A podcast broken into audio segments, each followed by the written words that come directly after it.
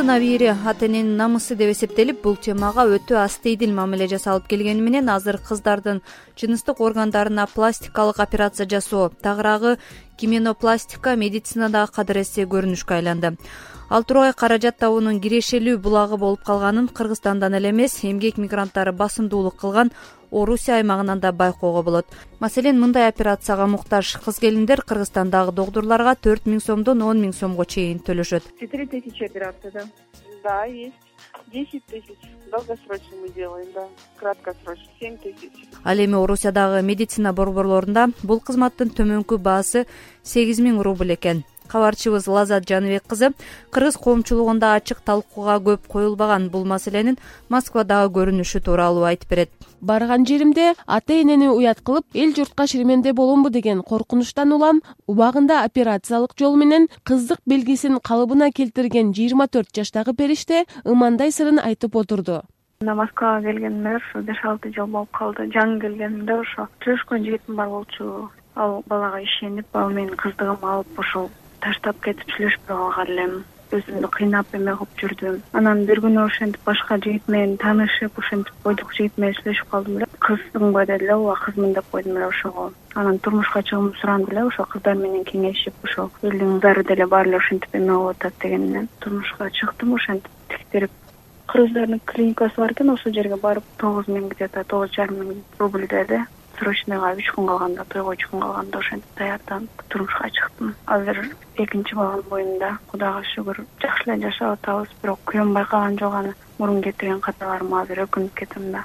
Үй бүлө куруп өз алдынча түтүн булатып балалуу болушканына карабастан периште алигиче күйөөм билип калса кечирбейт деген ички дүрбөлөң менен жашап келатат.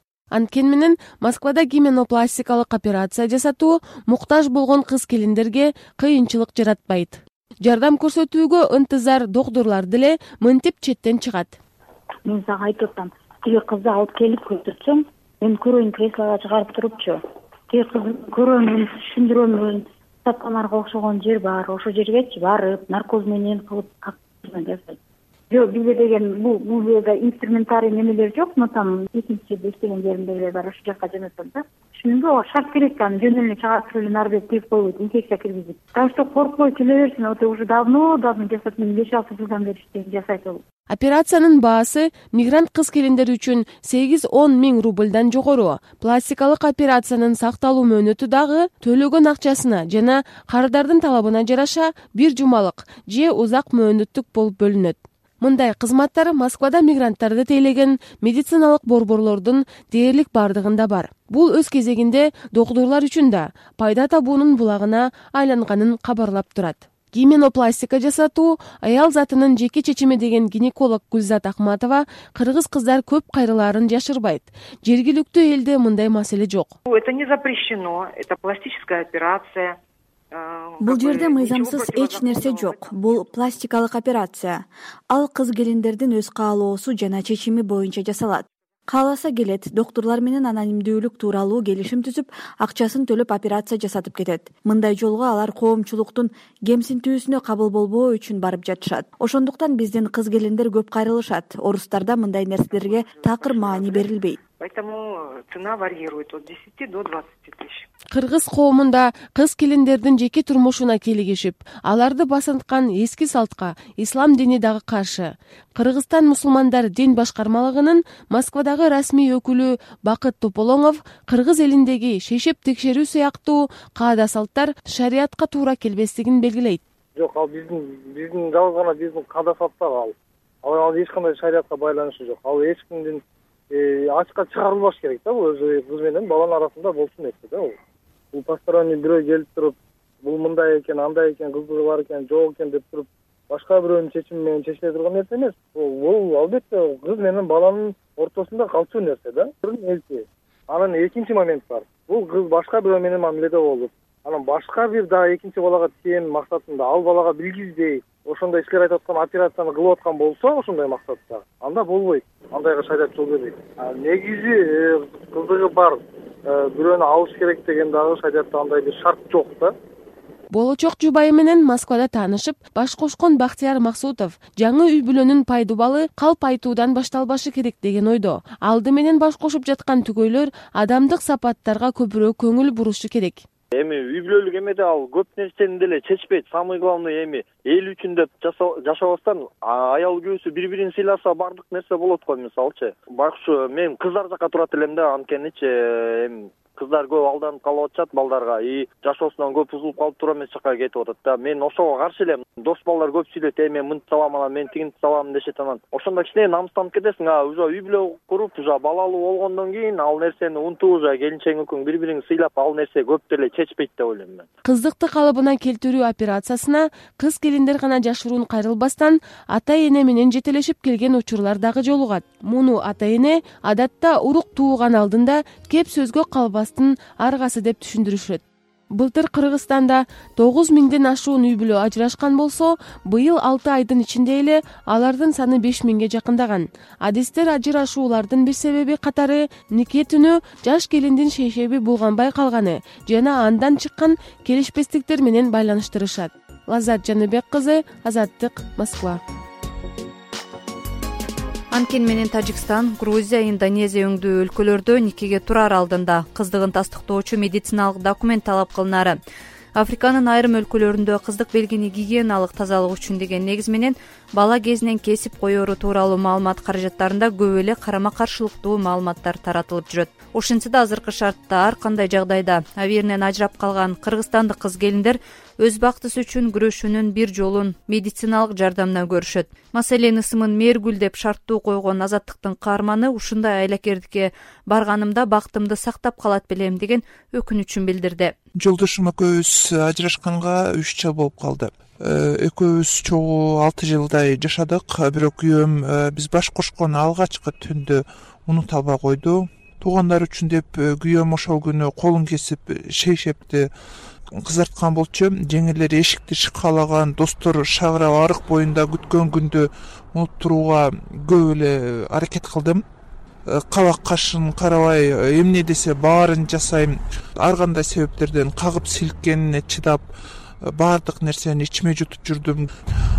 Эки жылдан кийин бир уулду болдук. Бирок күйөөм бир нерсе болсо эле ошол теманы Э, козгоп э, кичине э, көңүлүм чөгүп турса деле же башка болсо деле ошол теманы козгой берчү шылтоо кылып мени урушчу кол тийгизчү анан башка кыз келиндер менен да акыры жүрө баштады. Акыры ажырашып кеттик. Баламды мага бербей койду. Мени менен сүйлөштүрбөйт ал эми саадат мектеп жашында мугалимине алданып калып кийин бети күйүп турмушка чыга албай жашын өткөрүп жиберген деген өкүнүчүн айтты. Мен жашоомду аябай катуу жаңылдым. Кээде туруп өлүп калгым келет. Бирок апамды аяйм мен атасы жок чоңойдум ата энеси менен чогуу жетелешип жүргөн балдарды көрүп аябай суктанчумун. Ошондон пайдаландыбы билбейм мектептеги агай мага дайыма жакшы мамиле кылчу он биринчи класста окуп атканымда эмне болуп тузагына илингенимди билбейм. Абийиримден айрылып калдым. Андан бери менин колумду сурап канчалаган жигиттер келди. Ар шылтоону айтып макул боло албайм. Ошентип каармандарыбыз белгилегендей кыргыз коомчулугунда кыз абийири кымбат кызга кырк үйдөн тыюу деген эрежени сактабай коюу каада салтты бузуп намысты булгоого тетейиш турмуш курганда да жеңелери неберелүү болдуңуздар же келиниңиз эркек төрөдү деп сүйүнчү алып шейшепти көчөгө көтөрө чуркаган көрүнүштөр дээрлик баардык айылдарда кездешет тескерисинче мунсуз той трагедия менен аяктаган учурлар да жок эмес. Буга айрыкча үйлөнүп жаткан жигиттер өтө астейдил карашат. Андай көпчүлүктөн айырмаланып азаттыкка жакында ушул темада өз оюн жазып чыккан данияр айтман окурмандардын катуу сынына кабылды.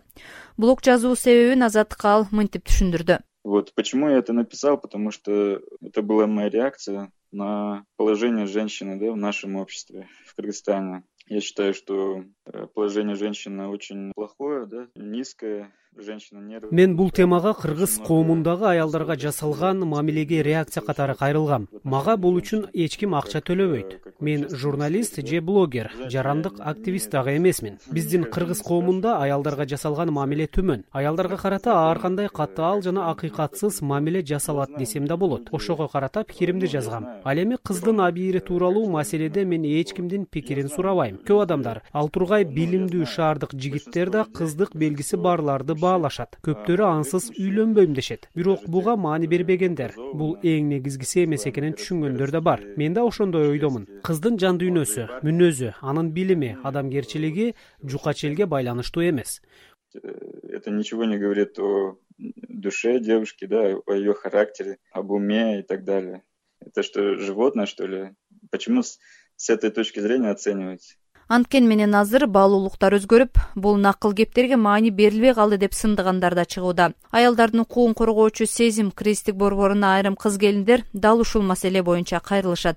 Борбордун башчысы бүбүсара рыскулова бул теманы бир тараптуу талдоо кыйын деген пикирде. Үйлөнгөндө баары бир жигиттер жанагындай сүйлөшүп жүргөндө жанагындай кыздар менен сүйлөшөт. Негизинен ар бир адам таптаза ар бир адам биринчи болгусу келет да. Анан кыздар деле мындай баалуулуктар түбү менен өзгөргөн жок. Бирок кийинки мына биздин иш боюнча турмушка чыкса дагы өмүр бою жанагындай психологический бир зорлук болуп айласыздан жашагандар бар да ушул кыздарга да кайрылып э, кетким келет. Эми баары бир биздин өзүбүздүн маданиятыбыз менталитетибиз бар. Ушу сакталып жүрсө жакшы эле болмок да. Капысынан болуп калса алдап кетсе кээ бирөөнү жөн эле зордуктап кетсе эч кимге айтпайт мени зордуктады деп да айтпайт. Кыздар ачыгын айтыш керек да. Философия илимдеринин доктору көптөгөн социологиялык иликтөөлөргө катышып келаткан профессор мария медилеванын айтымында кыздык белгини сактоо узак мезгилдер бою. Чыгыш элдеринин кан жанына сиңип калган салт болуп эсептелет. Кыздын абийирин ченей турган бул белги адамдардын ортосундагы мамилелердин түзүлүшүн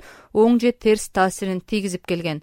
Ошондуктан бул көрүнүштү өзгөртүү жеңил болбойт деген ойдо. Э, кыргыздардын же чыгыш элдеринин традициясына жана ырым жырымдарына үрп адаттарына жаткан бир көрүнүш болуп эсептелинет.